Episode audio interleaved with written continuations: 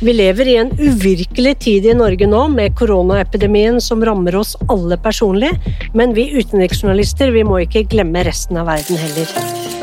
Det er så elendig journalistikk at det nærmest burde gått inn i komibøkene. vet du. And I want you all to know that we are fighting the fake news. It's fake, phony, fake, fake. Vi er vant til å se henne i TV-ruta når det er krig, konflikt, eller som reporter når det koker som verst i Midtøsten. Nå forsøker hun å rapportere om alt det her, i tillegg til koronakrisen, fra avstand her i Norge. Velkommen til pressepodden fra Medie24, utenrikskorrespondent Sissel Wold i NRK. Tusen takk. Etter 14 dagers reportasjetur i Iran ble du nekta inngang når du skulle returnere til Istanbul, og endte i karantene hjemme i Norge. Vi skal snakke om utenriksjournalistikken i koronakrisa, men først noen ord fra våre annonsører. Pressepodden presenteres av Retriever, leverandør av medieovervåkning og medieanalyse. Hold deg oppdatert på medieomtalen om koronaviruset med Retrievers interaktive dashbord og Medier24 Jobb, landets største portal for ledige jobber i mediebransjen, og Fritt Ord. Og nå kan denne reklameplassen bli din. Ta kontakt med Medier24 for mer informasjon.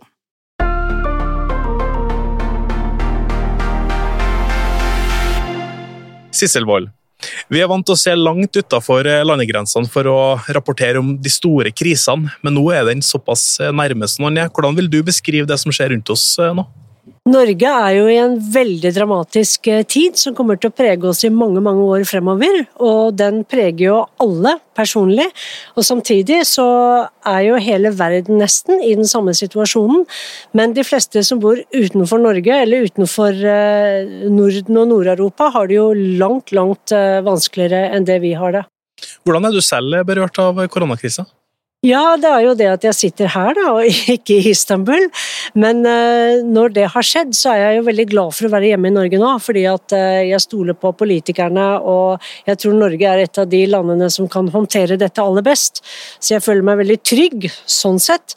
Uh, det andre er at i Istanbul så tror jeg ikke jeg hadde fått gjort så mye jobbmessig. Jeg måtte sitte inne mesteparten av tiden.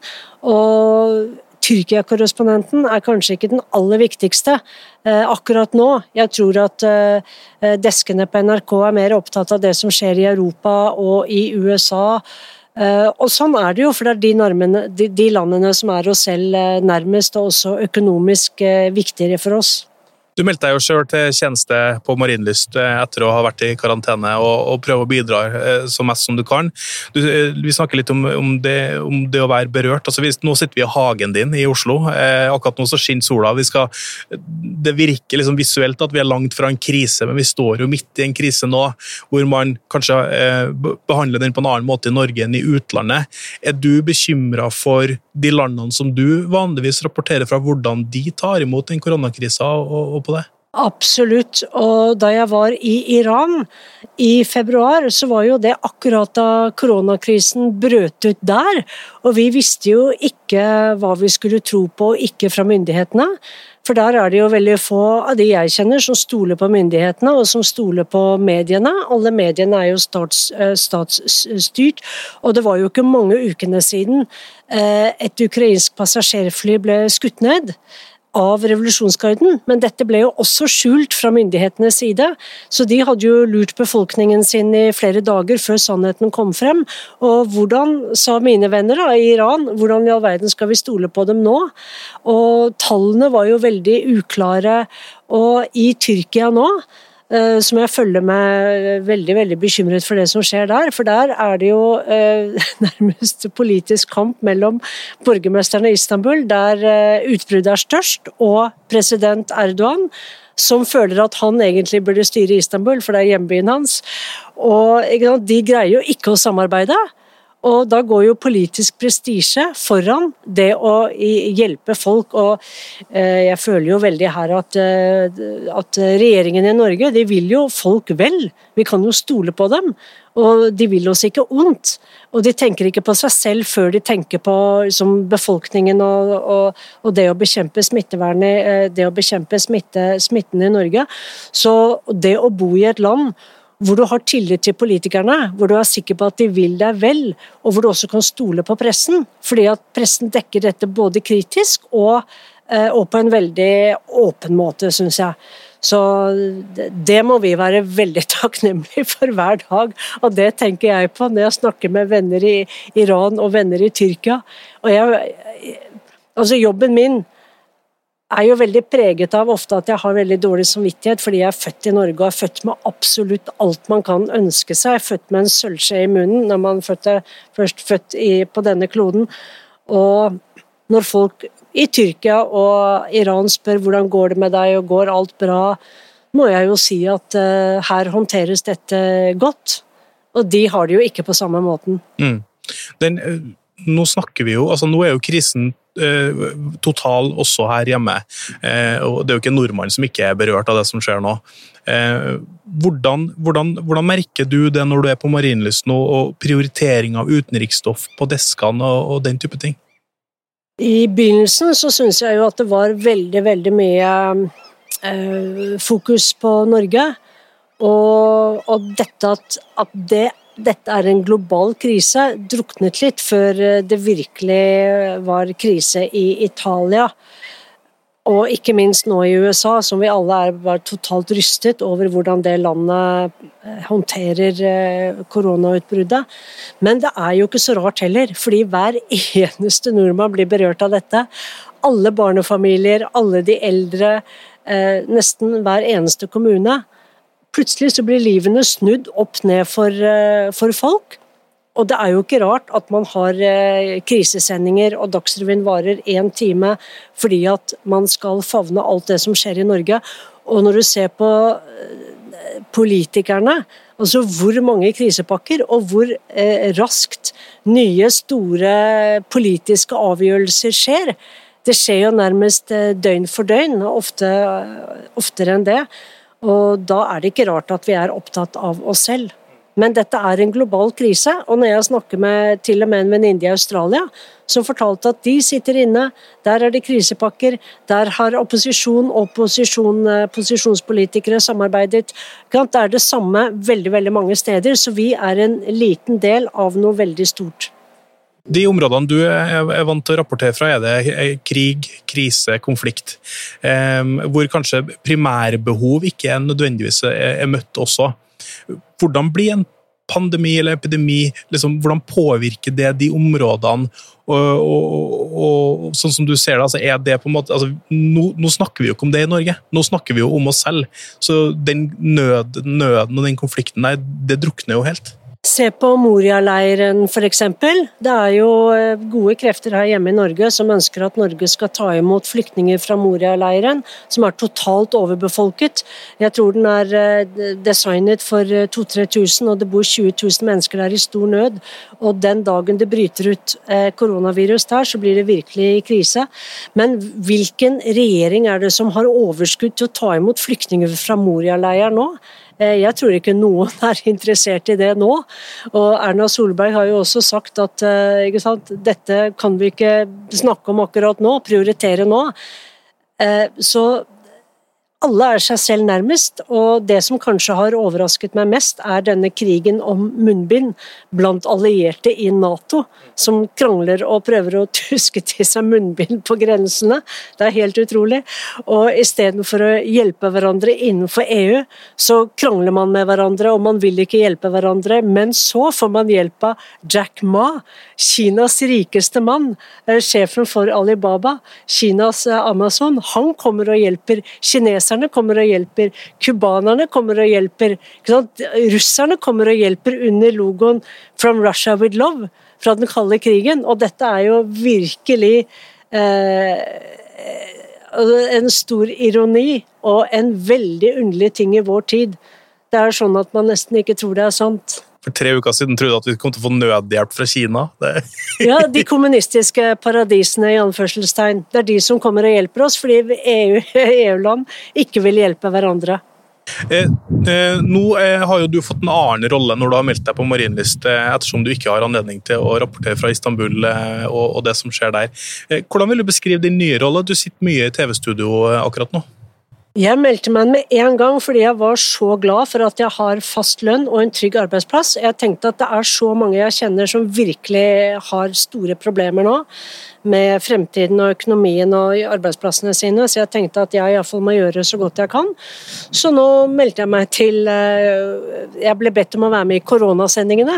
Og dette er en sending som går eh, mellom åtte og ni timer hver dag på TV og på nettet og på radio og der vi oppdaterer fortløpende eh, det som skjer, både ute i verden og her hjemme. Så jeg er det som heter sidekick. Jeg blir sånn sidekick-dame. og vi er i TV 2 så tror jeg de kaller det for avviklervenn, altså programledervenn, og det er et veldig godt ord. Så vi skal eh, støtte programlederen, og samtidig holde folk oppdatert om det som skjer ute i verden, da eh, veldig mye. Mens uh, i de sendingene så sender vi jo direkte pressekonferanser fra, altså fra regjeringen og myndighetene i Norge, men også fra Sverige, av og til uh, Danmark, av og til hvis det skjer ting andre steder hvor vi ikke trenger å tekste med en gang, kanskje. Men dette er jo et tilbud. Og i begynnelsen så var jo disse Jeg tror fortsatt at veldig mange ser på, men det var jo et enormt informasjonsbehov enormt, så da fant man ut at man bare eh, tok ut alle andre sendinger og dekket eh, koronakrisen fra time til time. Du sa jo sportsjournalister fra eh, ulike redaksjoner går inn og heller bidrar på nyhetssida. Altså alle, det ikke noe poeng å snakke om noe annet nå enn det som på en måte er det aller, aller viktigste.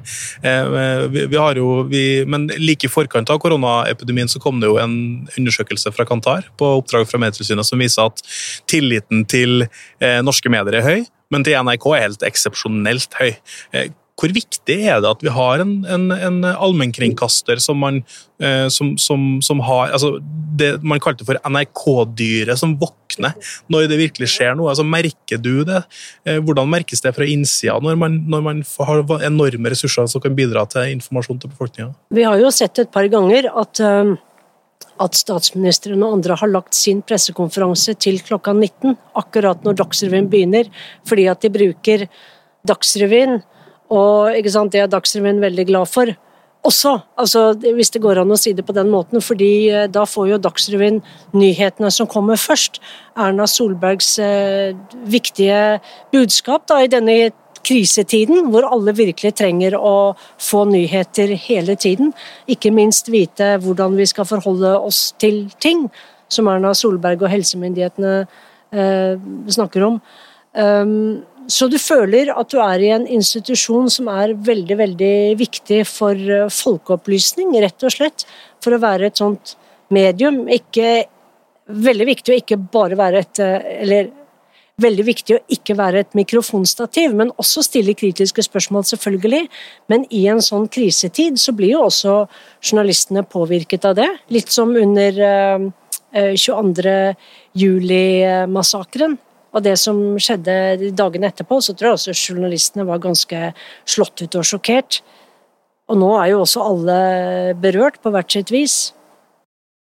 NRK er jo i tillegg til å, være, eh, til å drive en, en, stor journalistisk operasjon, så har jo NRK en rolle under en krise eh, hvor man er en del av beredskapen til, til, til staten. Altså man, man, har sett det i form av at eh, Folkehelseinstituttet har hatt eh, annonser på nrk.no, altså man, man har hatt eh, statsministerens tale til folket og sånne ting. Hvordan, eh, merker man det som, som reporter på, på, gulvet, på en måte? Altså, eller, eller, eller, merket dere det i det hele tatt, at dere også er en del av det apparatet? Nei, det er ikke sånn at vi får eh, direktiver. Men eh, jeg tror nok alle syns det var greit å sende de reklamespottene, eller hva man skal kalle det, fra Folkehelseinstituttet. fordi eh, det er veldig viktig at folk vasker hender og holder avstand. Og, og nå ser vi jo resultatet. Bent Høie sier jo at at eh, myndighetene har kontroll over eh, virusutbruddet nå. Så Men jeg tror at eh, for NRK har det jo vært viktig å bare komme med informasjon, informasjon, informasjon, og så etter hvert også håp. Ikke bare tall og statistikk og, og, og frykt og redsel, men veldig viktig å også bringe håp, og også se heltene det har vært veldig viktig. Vise frem heltene og løfte frem dem.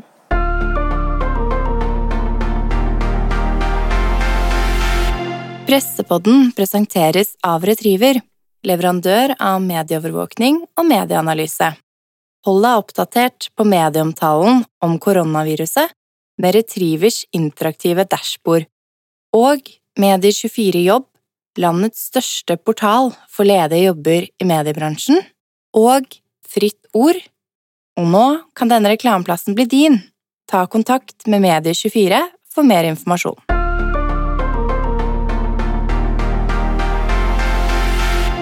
Den, eh, du er jo vant til å operere i et eh, format som, eh, som eh, krisekrigkonflikt. Eh, det er jo absolutt ikke alle andre journalister, eh, for å si det sånn. Hva, hva, er det du tar med deg fra din tid i Midtøsten og din lange journalistiske karriere inn i koronaepidemien, og liksom måten du jobber på? Den store forskjellen er at nå sitter jeg stort sett bare i studio og bare på huset. Så om, om vi er bekymret for noe, så må vi jo vaske hendene våre og holde avstand hele tiden. Det er det som er uh, trusselen nå. Så jeg er ikke særlig redd av meg av natur. For jeg har alltid den filosofien at hvis du skal gå rundt og være redd hele tiden, så får du ikke konsentrert deg om jobben.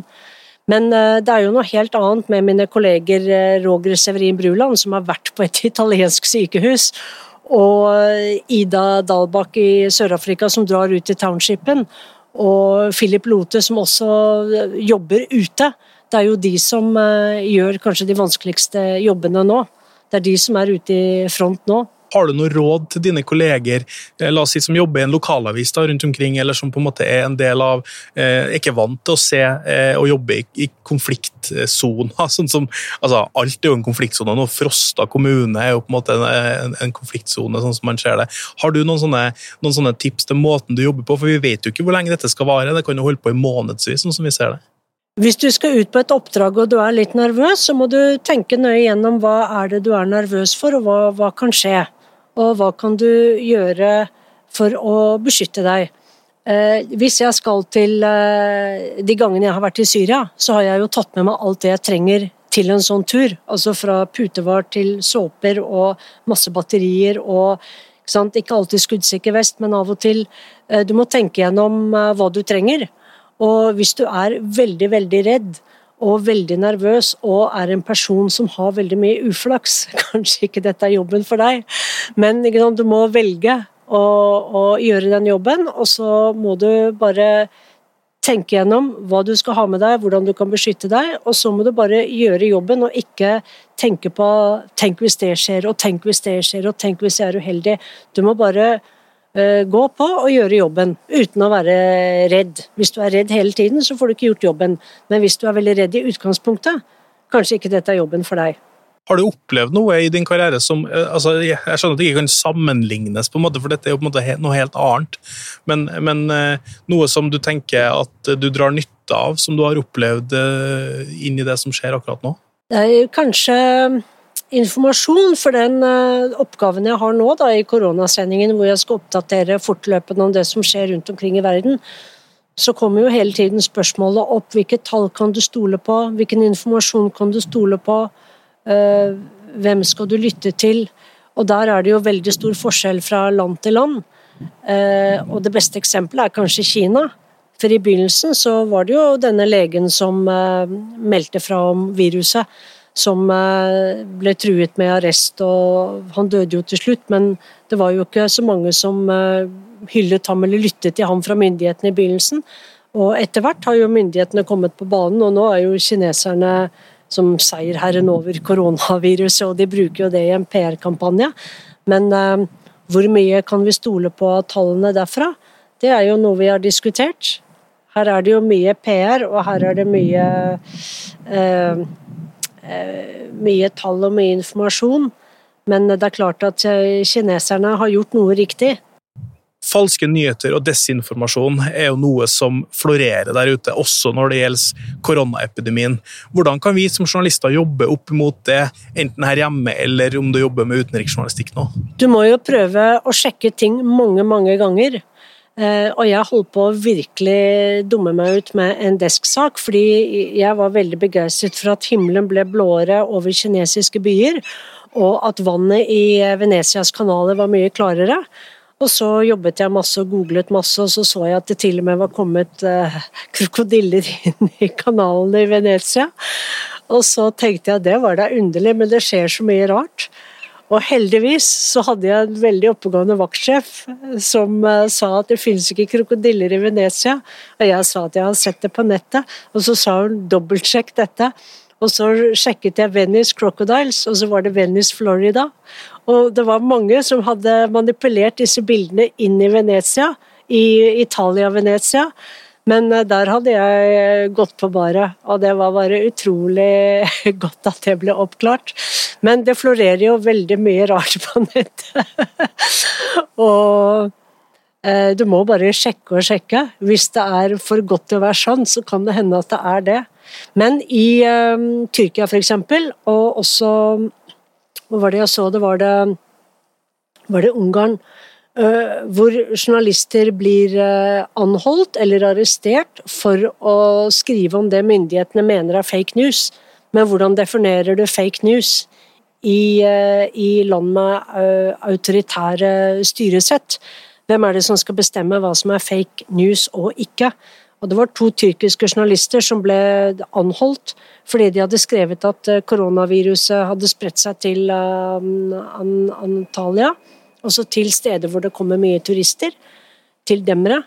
Og lenge så ville jo ikke Erdogan eh, ta forholdsregler fordi at han ville ha business going on, eh, at turistene fremdeles skulle komme til Tyrkia.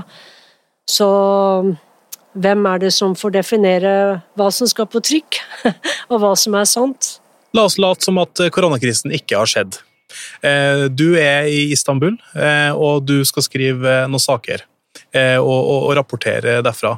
Hvilke saker er det du da hadde kommet til å tatt tak i? Og Grunnen til at jeg spør, er hva er det vi går glipp av nå? Av, av rapporter, sett i lys av den epidemien vi nå står i? Jeg hadde tenkt til å rapportere om disse stakkars migranter og flyktninger som myndighetene lurte. Altså, de sa at grensen er åpen til Hellas. Og vi husker jo veldig godt, det var jo en av de store sakene før koronaen eh, eksploderte her hjemme. Og de kom jo selvfølgelig ikke inn i Europa slik de drømte om, men eh, nå er de satt i forskjellige containerleirer, og mange av dem som greide å komme over til eh, de greske grensevaktene, ble jo fratatt alt de hadde. Og penger, klær, mobiler, og så ble de sendt tilbake nærmest bare i undertøyet. Og dem er det forferdelig synd på. Og de, hva er det som skjer med dem nå? Jeg, jeg er med i noen WhatsApp-grupper med kolleger i eh, Istanbul, og de skriver jo at eh, noen av dem sitter i containere i karantene, og andre lever på gaten. og og de har jo bare vært brukt i et spill, i et politisk spill, hvor Eidogan prøver å skremme eller presse EU-land. Eh, det andre er jo krigen mot eh, Bashar al-Assads regime i Idlib-provinsen. Og den krigen pågår jo fremdeles, selv om Erdogan har mye annet å tenke på nå. Men han har dempet krigsoperasjonene. altså Det er færre operasjoner nå enn før, fordi han er redd for at eh, koronasmitten skal bre seg blant soldatene som kjemper da, i Syria mot Assads regime. Hvilke stemmer er det vi går glipp av nå som vi har veldig fokus på det som skjer her hjemme når det gjelder korona? Eh, hvis du gjør deg noen refleksjoner rundt, rundt det. Eh, altså en ting er Du var innom eh, Soria, eh, eller Moria-leiren. Eh, vi har prøvd å finne andre nyheter den siste uken eh, fra resten av verden som ikke handler om korona, fordi at at en meningsmåling NRK har gjort, har vist oss at folk er veldig klare for å høre om noe annet enn korona de syns det blir ganske mye om korona. og, og, når jeg har søkt litt rundt omkring, så er jo alle land opptatt av korona. Du finner nesten ikke andre nyheter enn korona. Så det siste jeg har laget, eh, som ikke handlet om dette, var at eh, fra Erdogans parti, mektige parti AKP, så er det en tidligere finansminister som har eh, skallet av og dannet et eget nytt parti, som er et eh, lite jordskjelv i tyrkisk politikk. Og, men jeg har det jo sånn selv når jeg hører værmeldingen, så blir jeg veldig glad, for det er noe som ikke handler om korona. Det er liksom et blikk tilbake da alt var normalt. Været er fremdeles normalt. Men eh, alle land er jo opptatt med sin krise, så det jeg syns er mest interessant nå, er jo å se hvordan land håndterer krisen. Og i dag leste jeg en interessant sak om eh, Jacinda Ardern, det, det, altså New Zealands statsminister, som har håndtert dette på en veldig veldig fin måte. Og Taiwan, som husker veldig godt SARS-epidemien i 2003, de husker det så godt at de forberedte seg eh, på en en ny virusepidemi. Andre har kanskje glemt SARS, men de hadde ikke glemt SARS. Derfor var de veldig godt rustet nå. Så vi må jo prøve å få frem eh, andre historier om hvordan de, eh, hvordan de håndterer koronaviruset utenfor Norge. Men å komme gjennom koronalydmuren er ikke lett. Det er nesten ikke noe annet som skjer nå. Er det litt frustrerende, eller? som utenriksjournalist? Eller er det 100% forståelig? Det er veldig forståelig, men det jeg syns er viktig å få frem, det er jo hvordan og hvorfor europeiske land ikke greier å samarbeide. Altså Hvilke politiske etterdønninger får dette? Det er veldig interessant. Hvilke politiske etterdønninger får dette i USA? Hva i all verden er det som har skjedd med valgkampen i USA? Og Bernie Sanders, som er for uh, healthcare for all, Hvorfor i all verden flokker ikke velgerne til hans kampanje nå? Når, når virkelig de uten healthcare eh, må tenke på hvor viktig det er. Og en Boris Johnson som er lagt inn på intensivavdelinga. Ja, det er veldig rystende. Det følger jeg veldig nøye med på. For man kan si hva man vil om Boris Johnson, men han er jo virkelig en fargeklatt og veldig tilstedeværende. Og en fantastisk taler og en veldig morsom fyr. Selv om uh, han blir, blir, anklaget for å være lystløgner og alt sånt noe. Uh, hvis han skulle gå bort, ville jo det være ganske rystende. Like før vi satte oss ned inn i sendinga her nå, så fikk vi en melding om at myndighetene de, utsett, altså de ut, uh, avlyser arrangementer fram til 15.6, sånn som jeg husker det. Eh, har du trua på at vi skal komme tilbake som samfunn? Altså, tenker du at i løpet av sommeren at du skal tilbake til Istanbul, og at du skal liksom begynne å rapportere om mer normale ting? Altså, det, kan du tegne et håp for Pressepoddens lyttere nå, Sissel? Jeg lengter ofte veldig tilbake til eh, Istanbul og til eh, utsikten fra leiligheten min over Bosporos, men jeg lengter jo tilbake til det Istanbul jeg kjente før jeg dro til Iran. Og hva som skal skje når jeg kommer tilbake, det vet jeg ikke. Og jeg håper jo også at, eh, at NRK og andre medier er interessert i utenriks, og ikke bare etterdønningene etter eh, koronakrisen her hjemme. Jeg håper også det blir plass eh, til saker fra eh, Tyrkia, og at det er mulig å dra på reportasjereise f.eks. til eh, til eh, Nord-Syria og Nord-Irak eh, og Pakistan f.eks., som jeg også dekker. Men det er akkurat som alt dette ikke er viktig lenger. At, også for våre egne liv, at vi er så opptatt av, eh, av hva som skjer med oss selv. At, at, det er akkurat som alt bare er satt på vent. Og så venter alle på at støvet skal legge seg, og se hvilken verden som fins etter at støvet har lagt seg. Jeg håper at støvet legger seg. Sissel Wold, eh, tusen takk for at du stilte opp i Pressepodden. Takk selv. Reaksjonen består av Eira Lior, Ole Alexander Søve, Jan Magnus Weiberg Ørdal og meg, Erik Vatland. Teknisk ansvarlig Sebastian Manrikes i Poetapod. Vi høres plutselig.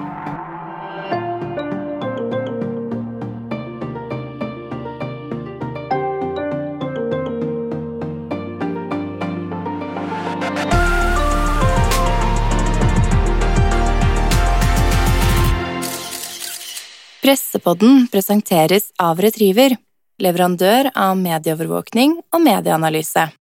Hold deg oppdatert på medieomtalen om koronaviruset med Retrievers interaktive dashbord og Medier24 Jobb, landets største portal for ledige jobber i mediebransjen, og Fritt Ord. Og nå kan denne reklameplassen bli din. Ta kontakt med Medier24 for mer informasjon.